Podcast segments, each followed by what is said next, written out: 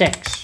De liefde die ik zo graag wilde voelen. Een woord dat mij vreemd is. Dat ik seks nodig heb om me gelukkig en blij te voelen. Seksualiteit is altijd een belangrijk deel van mijn leven geweest. We waren alleen thuis, we hadden condooms Ik gehaald. wil en niet het vreemd gaan, dus zouden we dan een open relatie moeten aangaan? En die tijd was niet lang genoeg om ook maar één keer succesvol penis en vagina seks te hebben. Als uit peuter elkaar? en kleuter was Als mijn al vriend nu klaarkomt, door is het afgelopen. Nog heel even volhouden. Volgens mij is die er bijna. En vervolgens de eindeloze manieren te ontdekken waarop je seks met elkaar kan En in die tijd heb ik bijna obsessief Al gemasturbeerd. acht jaar niet. En wat nou als ik verliefd word op iemand anders? Ik zit momenteel ik in een seksloze periode die al meer dan een jaar duurt.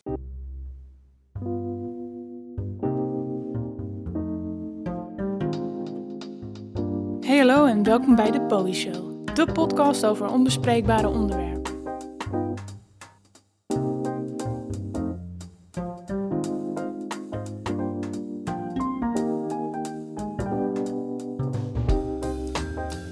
Hey hallo, vandaag ga je luisteren naar een aflevering over seksloosheid.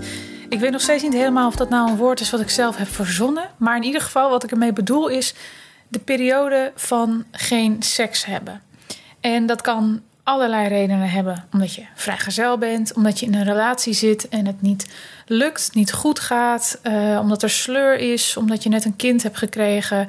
Ehm, je kan echt duizend redenen verzinnen waarom er geen seks is. En dat is zo grappig. Er zijn dus superveel redenen te vinden waarom je geen seks hebt. Alleen het is alsnog een enorm taboe om erover te praten. En dat is precies waarom ik deze aflevering heb gemaakt. In deze aflevering introduceer ik ook een nieuw concept, namelijk de biechtbrieven. Als je mij op Instagram volgt, dan ken je dit concept. Dit is namelijk iets wat ik daar ben gestart.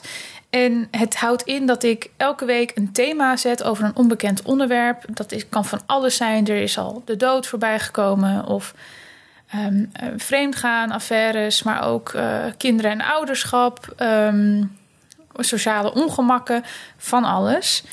En daar kan je mij dan anoniem een biechtbrief over insturen. Vervolgens lees ik die biechtbrieven voor en kunnen mensen erop reageren. Het is een super fijn concept en ik krijg bij elk thema weer ja, geweldige, open, eerlijke, rauwe brieven. En dat is echt mega veel waard, want dat is zijn precies de verhalen die we moeten horen. Goed, maar nu dus een ander format, want ik giet het in deze podcast. Dus vandaag ga je ook luisteren naar niet 1, 2, 3, maar liefst 7 biechtbrieven over seksloosheid. En die worden voorgelezen door allerlei stemmen. En ik ga er alvast even bij zeggen: de stemmen die je ze hoort voorlezen, zijn niet de mensen die ze hebben geschreven. Deze worden namelijk anoniem ingestuurd bij mij. En ik kan dus ook niet zien wie ze heeft gestuurd of waar ze vandaan komen. Ik heb nu gewoon zeven mensen gevraagd om ze in te spreken. Dus als jij een stem herkent en je denkt, huh? dan is dat dus niet degene van de biechtbrief. Dat je dat even weet. Wat ik zo'n fijn concept vind aan biechtbrieven is dat er eigenlijk zijn het de verhalen die we moeten horen. Maar die dus niet durven uitgesproken te worden. Op een of andere manier vertrouwen mensen mij genoeg om ze dus wel, ook al is het anoniem, naar mij op te sturen. En dat vind ik echt fantastisch. En als jij na deze aflevering nou denkt: wauw, ik wil ook een keertje een biechtbrief insturen. Of ik loop al zo lang met een geheim rond, of met een gedachte, of met een bepaalde anekdote die ik eigenlijk wel zou willen vertellen, maar niet durf, dan kan jij dus ook een biechtbrief insturen. Ik zal in de show notes zetten hoe dat moet. Maar als je naar mijn website gaat, www.bojeredman.com slash, dus forward slash biechtbrief, dan staat daar een anoniem formulier die je in kan vullen. Oké, over tot de orde van de dag, namelijk seksloosheid. Ik weet niet hoe het met jou zit, maar ik ken zelf ook wel periodes van geen seks hebben.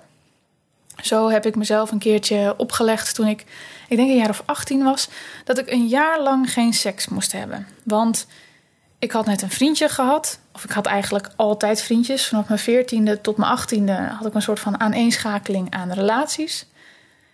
En ik was net, ik denk, een half jaar of een jaar vrijgezel. En ik had zoiets van: ik heb nu vier à vijf jaar relaties gehad. Nu mag ik wel eens vier à vijf jaar alleen zijn.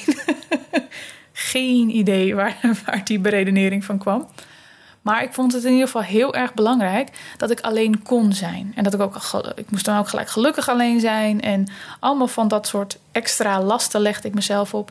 En ik dacht, ja, ik zoek de hele tijd aandacht bij, eh, bij mannen of bij jongens. En ehm, ik vond het heel leuk om seks te hebben, maar ik merkte ook dat ik dacht dat is validatie. Dus ik vond ik moest het gewoon een jaar lang zonder seks kunnen doen.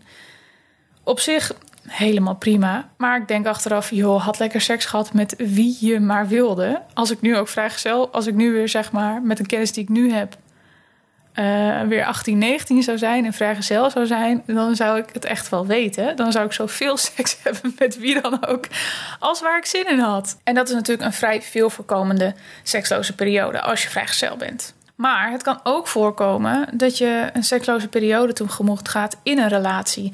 En dan wordt het vaak in één keer een stuk meer taboe. Want in een relatie moet je 3,5 keer per week seks hebben. Het moet leuk zijn, er moet chemie zijn, het moet spannend blijven. Je moet elkaar uit blijven dagen op allerlei gekke plekken in gekke standjes en weet ik veel wat. En ik denk dat uh, ja, een heleboel stellen, een heleboel relaties dit kunnen beamen. Maar dat is niet altijd zo. En bovendien denk ik ook, dat hoeft ook niet altijd zo te zijn. Het is ook helemaal niet erg als dat niet altijd zo is. Waar het denk ik problematisch wordt, is wanneer je een langere tijd een seksloze periode hebt en je het gevoel hebt dat je daar niet over kan praten, er niet uitkomt en ja, dat het je echt schaadt en dat, je, dat het jullie relatie ook schaadt. En dat is precies waarom ik het belangrijk vind om deze aflevering te maken. Ik heb namelijk ook wel eens een keer een seksloze periode gehad van misschien een paar maanden. En dat was ook echt omdat er ja, moeilijkheden tussen ons waren. En dat zorgde ervoor dat we ons niet aangetrokken tot elkaar voelden. En dat we eigenlijk geen, ook ja, de puff niet hadden of de energie niet hadden om nog seks met elkaar te hebben. Of om überhaupt moeite te steken in flirten en verleiden en al het andere leuke wat erbij kan kijken. Terwijl ik echt wel een seksueel persoon ben. En ik merk ook dat als ik dus een relatie heb waar dat wel goed zit, of als ik een relatie of een, of een scharrel, of hoe je het ook maar wil noemen, heb, waar ik enorm goede seksuele chemie mee heb, dan gaat dat ook veel gemakkelijker. Maar ondanks dat kan je natuurlijk. Het is echt anders als jij een jaar een relatie hebt. Of dat je al tien jaar een relatie hebt. Of je kinderen hebt of geen kinderen. Weet je wel. Of je bij elkaar woont of niet. Er zijn allerlei factoren die invloed hebben op jouw seksleven. Ik denk ook dat als jij geen seks hebt. Dat er een heleboel dingen missen. Dus ik, zeg niet dat er iets mis is met je relatie. Want dat denk ik in heel veel gevallen is dat helemaal niet zo. Of in ieder geval niets wat, niks wat niet gemaakt kan worden. Maar je mist van alles als je geen seks hebt. En in ieder geval zo ervaar ik het. Hè? Want het kan natuurlijk zijn dat jij het heel anders ervaart. Maar ik ervaar echt dat als ik voor langere tijd geen seks heb, ik mis aantrekkingskracht. Ik mis die chemie. Ik mis het verlangen naar elkaar. Het gevoel dat iemand mij wil. Dat iemand me compleet ziet voor wie ik ben. Die, ja, dat iemand een bepaalde gulzigheid heeft naar mij en ik naar diegene. Ik mis intimiteit, dus fysieke intimiteit, maar ook ontspanning en je lichaam op een hele andere manier beleven dan dat je elke dag in je dagelijkse dingen doet. Eigenlijk is seks voor mij, het is zeker niet het belangrijkste in een relatie, maar het staat bij mij best wel hoog, omdat er gewoon heel veel behoeftes in worden bevredigd voor mij. En ik ben benieuwd of dat voor jou ook zo is. Misschien leuk om eens over na te denken. Wat, ja, wat voor rol speelt seks eigenlijk in je leven en in je relatie of in je vrijgezellen bestaan of wat voor vorm uh, jouw liefdesleven dan ook heeft. Soms kan je ook heel erg verdwalen in het beeld wat jij hebt van hoe jij denkt dat seks moet zijn. Of hoe jij denkt dat je seks moet hebben in een relatie. Of ja, hoe vaak of wanneer of hoe het zou moeten voelen. En dat hoor je ook terug in deze brief.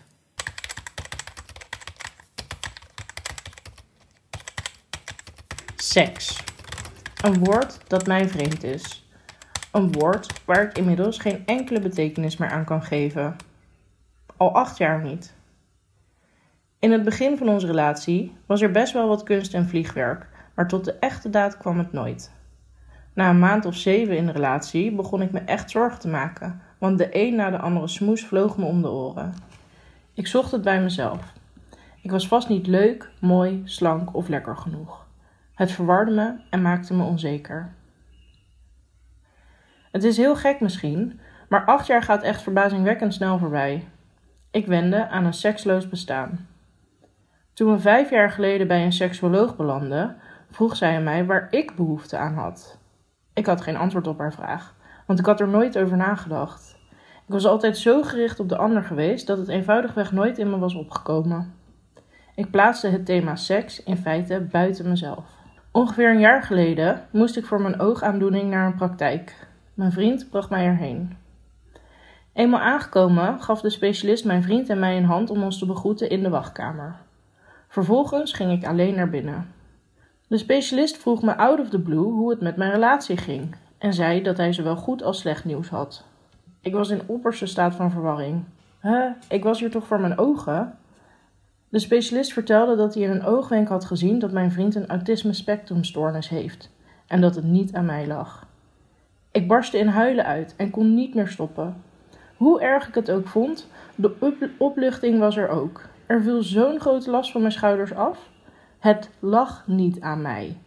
Alle keren dat hij niet wilde dat ik hem aanraakte. Alle smoesjes om geen seks te hebben.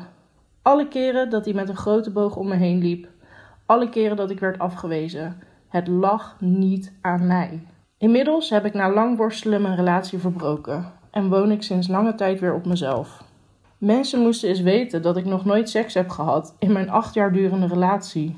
Het was mijn meest bizarre relatie ooit. De opluchting van de schrijver is echt tastbaar. Die, die spat echt van het papier af. En ik ben dan ook super blij voor diegene dat er een oorzaak was. Ehm, want vaak is die er niet. En, en dan blijf je dus rondlopen met dat gevoel. En ik denk dat zo'n gevoel allereerst voortkomt uit ehm, dat we geneigd zijn.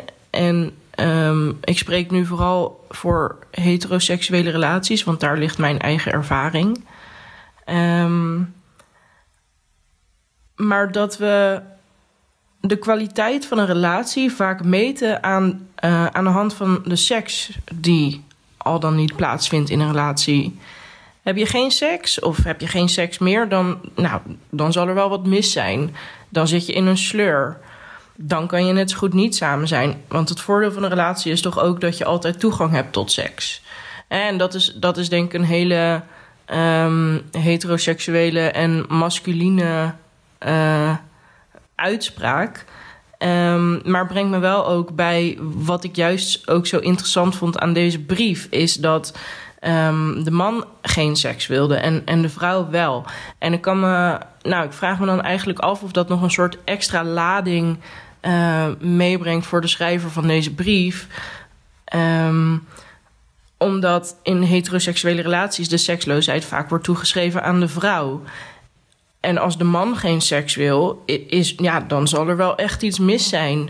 Ben benieuwd hoe dat voor de schrijver is geweest. Uh, maar ben ook benieuwd hoe dat in het algemeen ervaren wordt door, door mensen die zich in dezelfde situatie bevinden.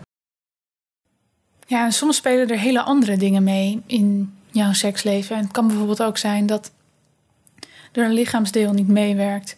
Of dat er trauma in je lichaam zit. Of dat je bijvoorbeeld vaginisme hebt. Of uh, erectieproblemen. Of wat dan ook. En dat vind ik heel mooi aan deze volgende brief. Nou ja, luister eigenlijk maar.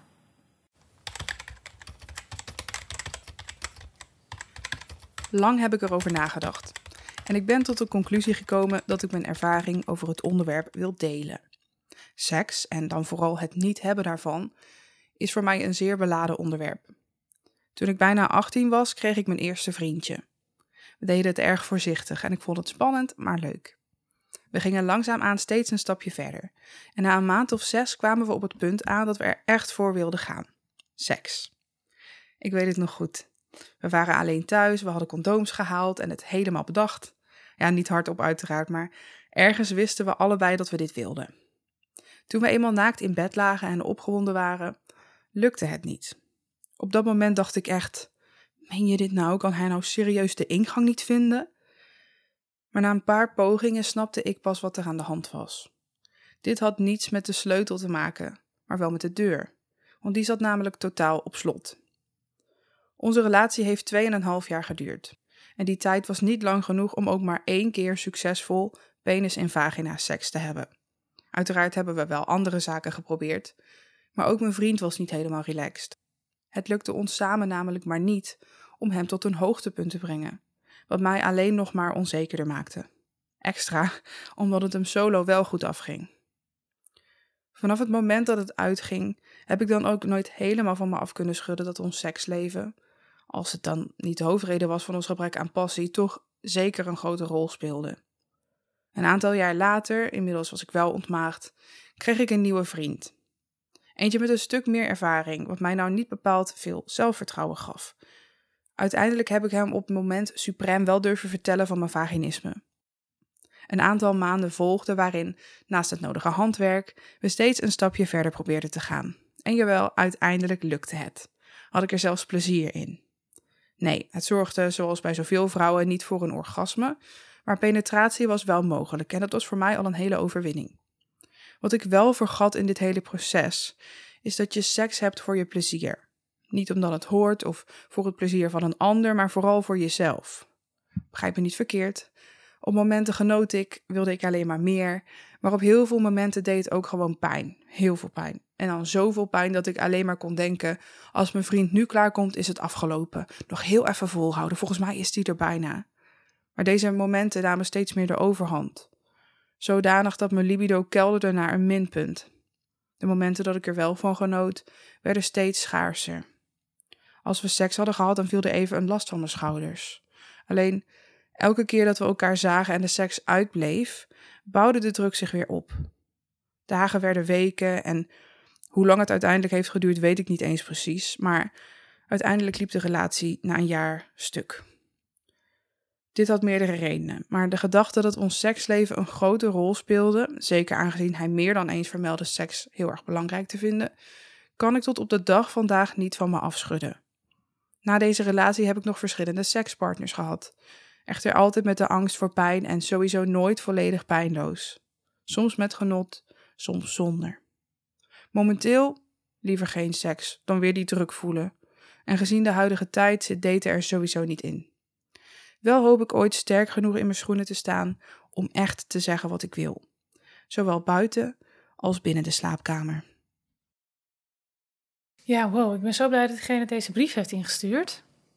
Het is... ehm, Vaginisme is natuurlijk... Ik wist tot een paar jaar geleden helemaal niet eens dat het bestond. Ik heb er zelf ook geen last van. Ehm, dan ga je natuurlijk al minder snel op zoek naar dat soort dingen. Maar ik ben ook bijvoorbeeld dus heel blij om te zien dat een, ehm, een show zoals ehm, Sex Education, als je, die, als je die show nog niet kent, gaat kijken. Het staat op Netflix, Netflix op Sexflix, op Netflix. En ehm, het is een, ja, fantastische show over een middelbare school, of eigenlijk over een high school. Het speelt zich in Engeland af. En er worden heel veel van dit soort dingen besproken, want het gaat namelijk over sex education. En daar komt vaginisme ook in voor. En als jij misschien luistert en nu wel en denk je, oh my god, dit ben ik, vaginisme. Er is blijkbaar een woord voor. Dan ehm, ja, weet dan dat je niet alleen bent. En ehm, dat er ook iets aan gedaan kan worden, wat heel fijn is. Maar dat je ook niet gek bent of raar of wat dan ook. Wat ik ook heel wel pijnlijk vind in deze brief, is dat ehm, de briefschrijver ook zegt: Ja, ik wil eigenlijk niet meer, omdat ik de druk te groot vind. En ik denk ook, ik kan me dat zo goed voorstellen. En ook heb ik het gevoel van, dat is ook zo zonde, weet je wel. Ja, ik zou iedereen gunnen om een, om een fijn en voldoend seksleven te hebben. Ja, seks kan ook allerlei verschillende vormen in je leven aannemen. En in de volgende brief hoor je bijvoorbeeld hoe seks ook een copingmechanisme kan zijn.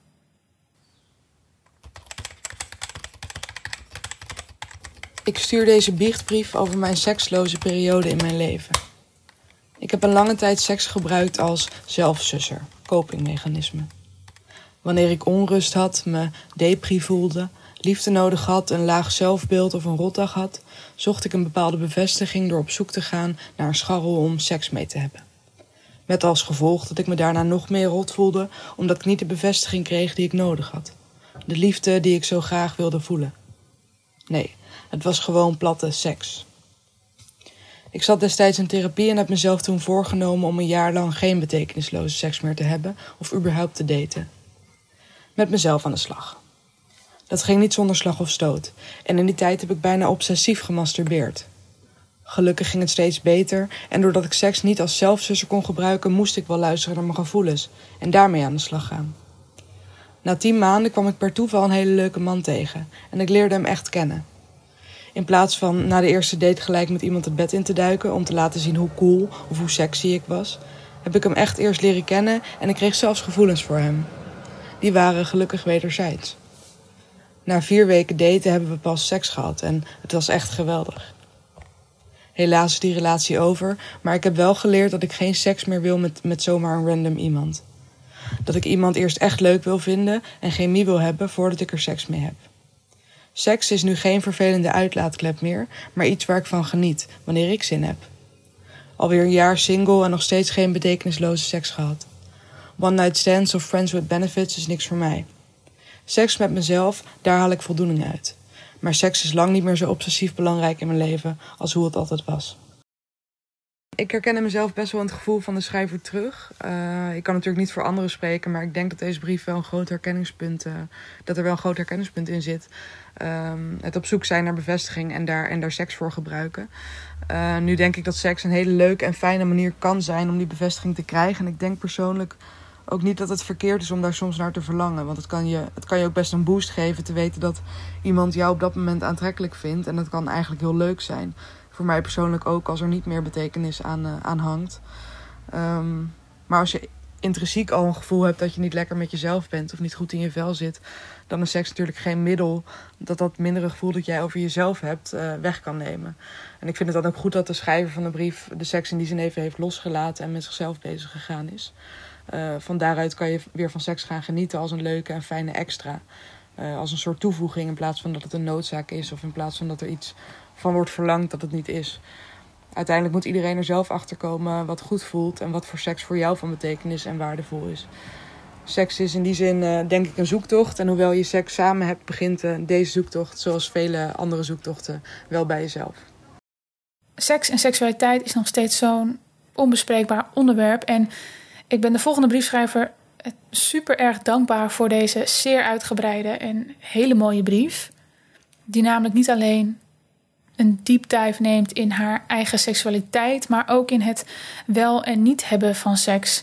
En ja, wat voor invloed je mentale staat ook kan hebben op seks bijvoorbeeld. Maar ook de schaamte die erbij komt kijken als je bijvoorbeeld al heel jong seksgevoelens hebt. Dus deze brief is echt een brief naar mijn hart.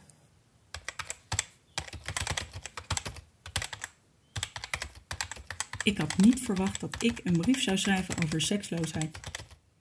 Seksualiteit is altijd een belangrijk deel van mijn leven geweest. Als peuter en kleuter was ik al gefascineerd door seks. Vrijen. Voelde ik regelmatig kriebels in mijn buik van opwending door de gekste dingen. Ik ben opgegroeid in een natuurgebied en ik moet lachen als ik me voorstel hoe ik met rode wangen op mijn driewieler toekeek naar een kalfje die gezoogd werd door een koe.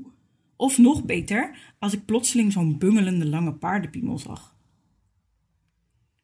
Ik heb het geluk gehad dat mijn ouders, met name mijn moeder, me al vanaf jonge leeftijd open en eerlijk hebben verteld over seks en intimiteit. Zo kan ik me bijvoorbeeld niet herinneren dat ik ooit voorlichting heb gekregen. Ik heb voor mijn gevoel altijd al geweten dat seks iets is wat bij het leven hoorde, net als eten en slapen. Ik kon met alles waar ik me voor schaamde of onzeker over voelde bij mijn moeder terecht.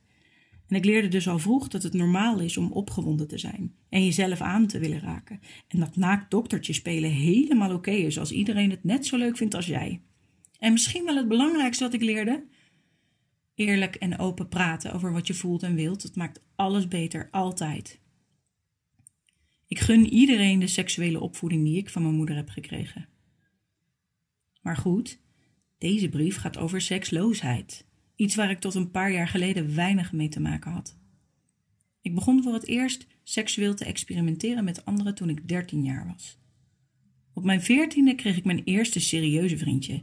Ik ben sinds toen eigenlijk nooit lange periode seksloos geweest. Ik hou en hield van seks, met mezelf en met anderen.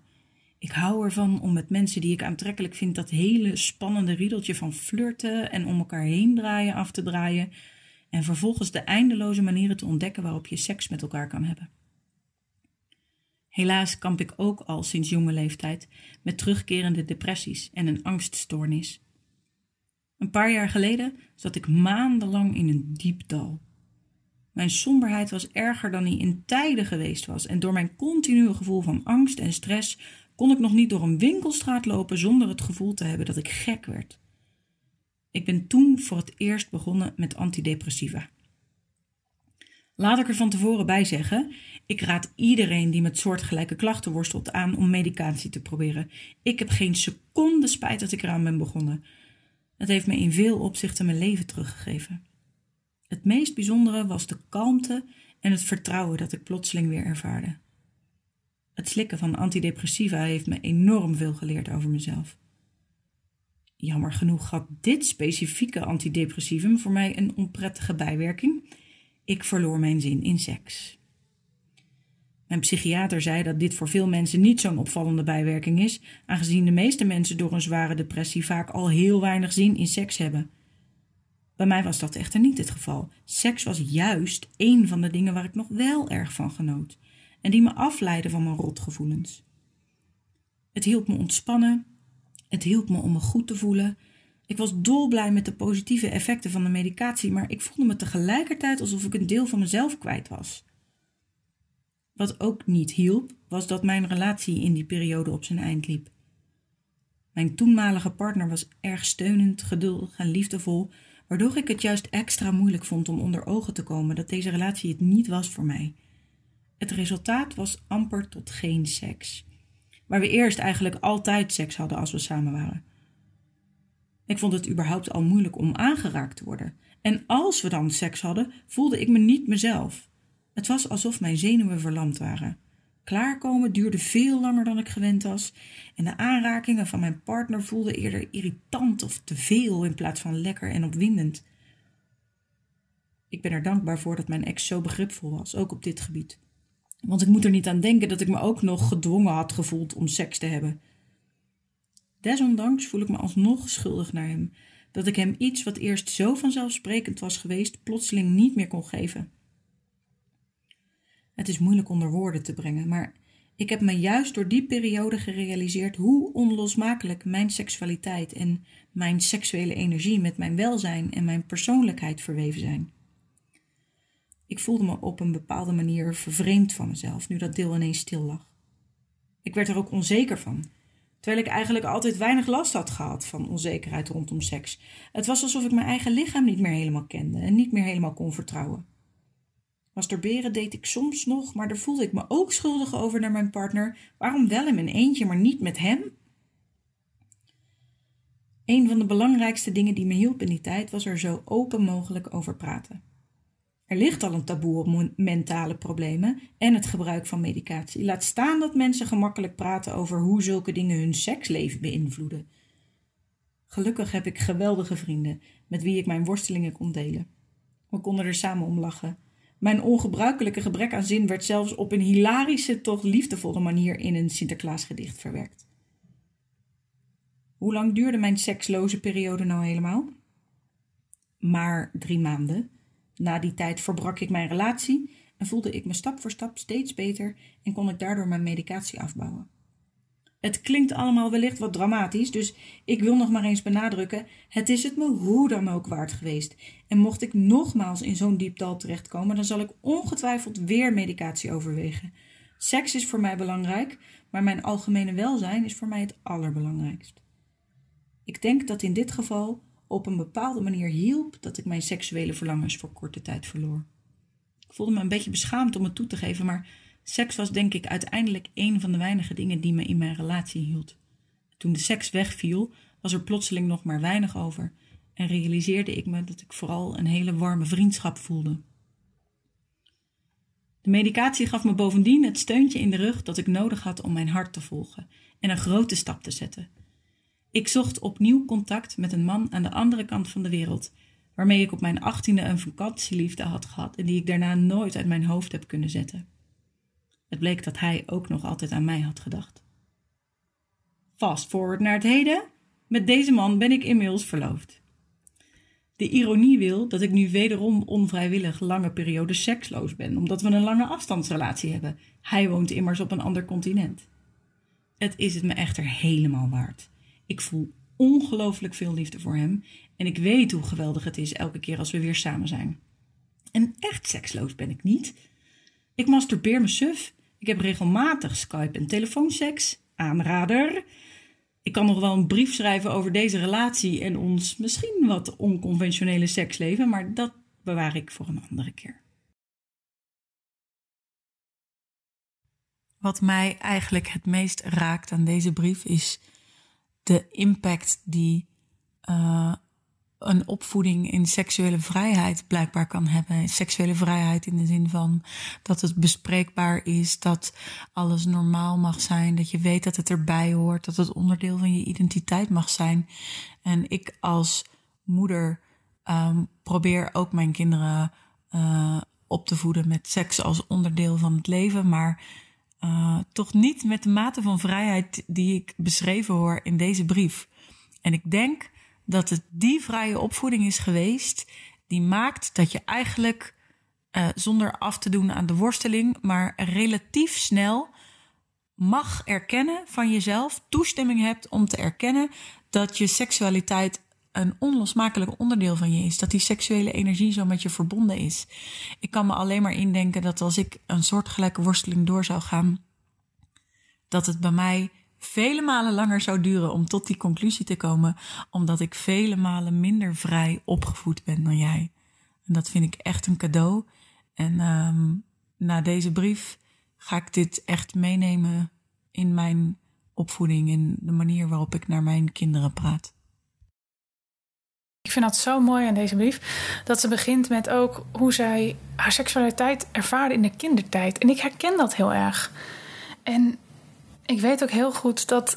Um, ik heb het hier ook wel eens met vriendinnen over gehad. En dat sommigen dan ook echt zo van. Oh, ik ben niet de enige. Ik had als klein kind, als kind van weet ik wel, vier of vijf, ook al seksuele gevoelens. En ja, god, het toont maar weer hoe, hoe ontzettend beladen en beschamend seks wordt gemaakt. Nog steeds. En ik vind het ook super mooi dat ze aanhaalt hoe haar mentale staat van zijn, dus haar depressies, ja, op een negatieve manier invloed hadden op haar seksualiteit. En dat ze zich realiseert, ja, hallo, seks en seksuele energie, dat is echt een onderdeel van mijn welzijn. En dat herken ik zo erg. Voor mij is seksuele energie ook echt levensenergie chemie of weet je wel, dat enorme broeierige flirten wat je kan hebben met iemand. Dat is echt een soort van levenselixer. Daar zit creativiteit in en energie en ja, oh man, ik snap dat zo goed. Nou ja, goed, ik vind het dus een fantastische brief. ook zeker omdat ze nog aangeeft, ja, hoe dat voor, haar nu ook is in deze relatie. En, uh, en, en dat vind ik uh, heel erg leuk en mooi om te horen een heel veel voorkomende klacht, of hoe moet je het zeggen, uitspraak is wanneer mensen geen seks meer hebben natuurlijk, want de baby of want de kinderen. Ik kan me ook, ik heb zelf geen kinderen en ik kan me heel goed voorstellen dat ook als je gewoon, ja, je lichaam staat in dienst van iemand anders, zeker als ze zo klein zijn als uh, vrouw zijnde ook vaak. En als man zijn trouwens ook hoor, maar zeker bijvoorbeeld als je borstvoeding geeft of je bent zwanger geweest en je hebt het kind gedragen, um, dan staat jouw lichaam in, in, bijna in dienst van dat kind. Dat je ook gewoon uit, uit aangeraakt bent, zeg maar. Dat je klaar bent met dat hele aanraken, maar ook dat je natuurlijk moe bent en dat, je, dat het al heel lastig is om tijd voor elkaar te vinden. En dat hoor je eigenlijk ook terug in de volgende brief. Ik zit momenteel in een seksloze periode die al meer dan een jaar duurt. Ondanks onze fantastische relatie. Eerst waren we de seks op het juiste moment moe na een fertiliteitstraject. Daarna kwam een zware zwangerschap. En nu hebben we gewoon een chronisch slaaptekort en een baby die tussen ons inslaapt. Zelf heb ik er niet zo'n last van, maar ik merk dat mijn man het er moeilijker en moeilijker mee heeft. Dit vind ik echt het verneukeratieve van kinderen hebben. Aan de ene kant heeft de natuur het heel goed geregeld. Als je een ijsprong hebt, dan uh, ben je, heb je extra veel zin in seks. Want je lichaam zegt gewoon: Hoi, er is een eitje klaar, let's go. En vervolgens heb je dat kind. En dan in één keer verdwijnt alle zin in seks. En kan je, ja, eh, weet je wel, ben je te moe en weet ik veel wat. Ik vind dat echt eigenlijk een beetje gek dat de, natuur dat zo heeft gedaan. Alsof je een soort van wordt gestraft voor al het harde werk wat je hebt gedaan. Maar goed, dit is waarschijnlijk iets wat. Ik ben zelf geen ouder, maar ik denk dat heel veel ouders dit herkennen. Tenminste, ik hoor dit ook heel vaak van ouders. Dus uh, een goede brief om ertussen te hebben. En ook mooi dat dit perspectief er ook bij is gevoegd. Af en toe dan heb je gewoon geen zin. Of dan zou je wel zin willen hebben, maar je weet gewoon niet waarom je het niet voelt. En dan ga je naar allerlei dingen op zoek. En ja, soms weet je gewoon de oplossing niet. En daar gaat deze volgende brief over. Eerst en vooral zo geweldig dat je dit bespreekbaar wil maken. Ik heb het een hele tijd lang heel moeilijk gehad met het feit dat ik vroeger, dus vanaf dat ik seksueel actief was, tot en met het eerste jaar dat ik samen was met mijn huidige vriend, met wie ik nu drie jaar samen ben, altijd seks wilde slash kon hebben en toen langzaamaan die behoefte gewoon verdween. Niet omdat ik niet gelukkig met hem was, integendeel zelfs. Ik voelde me veilig en geborgen en op mijn gemak en ik had gewoon geen behoefte aan seks. Het probleem was dat zijn liefdestaal fysiek contact is. Dus voor hem was dit wel degelijk een probleem. Hij voelde zich ongeliefd en afgewezen. We spraken er wel heel open over en we zochten ook naar de reden. Ik vermoed ook dat het ermee te maken kan hebben gehad dat ik sinds ongeveer die periode ook niet helemaal blij ben met mijn eigen leven. Op professioneel vlak dan. Niet gevonden wat ik wil doen met mijn leven, geen intellectuele voldoening, zelfvertrouwen dat wat wegkwijnde hierdoor, enzovoort. Voordien was ik namelijk een super vrolijk, zelfverzekerd meisje en ik ging ook veel uit en ik had, laat maar zeggen, een zeer vrije opvatting over seks. Dat onbezonnen kantje van mij is nadat ik afgestudeerd was en in de echte wereld stapte, wat in een vergeethoekje gekropen. En ik denk dat ik het er wel uitkrijg en dat zal ook veel helpen. Afgelopen tijd gaat het in fases beter. Als ik me even terug wat beter voel, dan is er af en toe een weekend dat we wel seks hebben. Af en toe is het dan bijvoorbeeld drie keer wel. Maar regelmatig terug een maand of twee, drie niet. Het langst was iets van zes maanden niet. Ik denk dat wat ik net zei er veel mee te maken heeft. Dus geen goede job, financiële onzekerheid en problemen, stress, gekelderd zelfvertrouwen. Maar ik voel ook sowieso geen spanning zoals ik vroeger altijd wel voelde. Ik voel me veilig en niet seksueel, maar gezellig, geborgen, op mijn gemak. Hoe graag we elkaar ook zien, het spannende is er niet echt meer. Of niet vaak. Maar dat is misschien normaal na drie jaar? Ik vind het dus heel mooi om te horen in deze brief dat je kan horen hoe hun behoeftes zo anders zijn. Dus de een heeft fysiek contact heel erg nodig als liefdestaal en de ander uh, misschien iets totaal anders. En zo kan het dus lijken alsof je elkaar wel liefde geeft, maar ontvangt diegene dat eigenlijk niet. En dat is, heeft misschien niet altijd iets met seksloosheid te maken, maar het is wel iets wat ik heel vaak zie in relaties. Als je dat nou super interessant vindt, ga dan de, talen, de vijf talen van de liefde um, lezen. Ik zal hem ook in de show notes zetten. Dat is namelijk een boek die hierover gaat. En je kan ook, als je uh, de Five Love Languages test in Google typt, dan kan je echt eindeloos veel tests doen. En dan zie je gelijk wat jouw geprefereerde liefdestaal is. Is heel interessant om, ja, om van jezelf te weten. Wat je ook heel goed hoort in deze brief is dat seks en seksuele spanning ook afstand nodig heeft. Dus als jij gewoon compleet versmolten bent en je daar inderdaad super veilig en geborgen voelt en dat wat er dan vaak weggaat, is dat verlangen. En dat verlangen is toch, in ieder geval in mijn ervaring, ergens nodig om die aantrekkingskracht te creëren. Ja, dus je hoort hier weer een nou ja, totaal ander perspectief op het hebben van geen seks in een relatie. In deze laatste brief wordt er een heel goed vraagstuk aangehaald, denk ik. En dat is: hoe ga je ermee om als je geen seks hebt? In een relatie bijvoorbeeld. Dat is in deze brief een, uh, een onderdeel ervan. Dus deze, deze persoon heeft een relatie en geen seks. Maar hoe ga je daarmee om? En wat is de oplossing? Ga je een open relatie tegemoet? Ontzeg je jezelf seks? Masturbeer je je helemaal gek? Vind je andere manieren van intimiteit? Ik heb er eigenlijk niet echt een goed antwoord op, want ik denk, ja, soms worstel ik hier zelf ook wel mee. En ik denk ook van, ik weet eigenlijk niet wat het juiste antwoord is.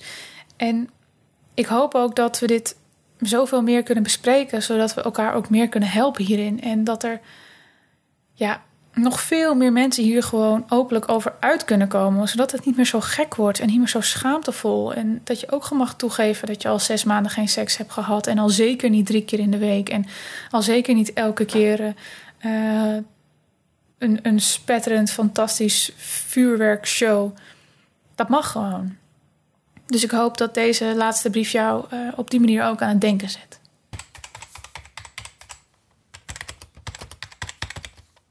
Ik heb al heel lang geen seks. Of nou ja, lang. Ik heb al bijna een jaar geen seks terwijl ik een relatie heb en ik merk dat het me echt parten begint te spelen. Mijn vriend heeft door het slikken van bepaalde medicijnen voor persoonlijke problemen helemaal geen zin in seks meer. Terwijl hij een enorm seksueel persoon is of was. Toen we net samen waren, was onze chemie voelbaar voor iedereen. We hadden zoveel seksuele chemie we konden flirten als de beste en hij hoefde me maar één blik te geven en ik voelde me week worden van binnen. Dus ik weet dat hij het kan, dat het in hem zit. Dat we een fantastisch seksleven hadden en ook weer kunnen hebben. Ook nu, na bijna zeven jaar samen te zijn. Maar hij heeft gewoonweg geen zin. Het voelt voor hem ook heel vreemd en dat vind ik ook vervelend. Maar bij het verdwijnen van seks voelt het voor mij alsof er zoveel meer verdwenen is. Flirten, aantrekkingskracht, intimiteit, plezier hebben, contact met elkaar maken. Ik kon me zo gezien voelen door hem, zo gewild en geliefd, en dat voelde magisch. En dat alles moet ik nu al een hele tijd missen. En dat gaat met ups en downs. Soms denk ik, ach, het is ook al prima, het komt wel terug. Ik kan altijd seks hebben met mezelf. Maar het is niet hetzelfde. En hoe langer het duurt, hoe meer ik realiseer dat ik dit nodig heb. Dat ik seks nodig heb om me gelukkig en blij te voelen. Ook als ik probeer met hem te flirten of probeer een move te maken om seks met hem te hebben, dan wordt dat onbeantwoord gelaten. En ik voel me daardoor zo afgewezen. Terwijl ik het verdien om gewild te worden, toch?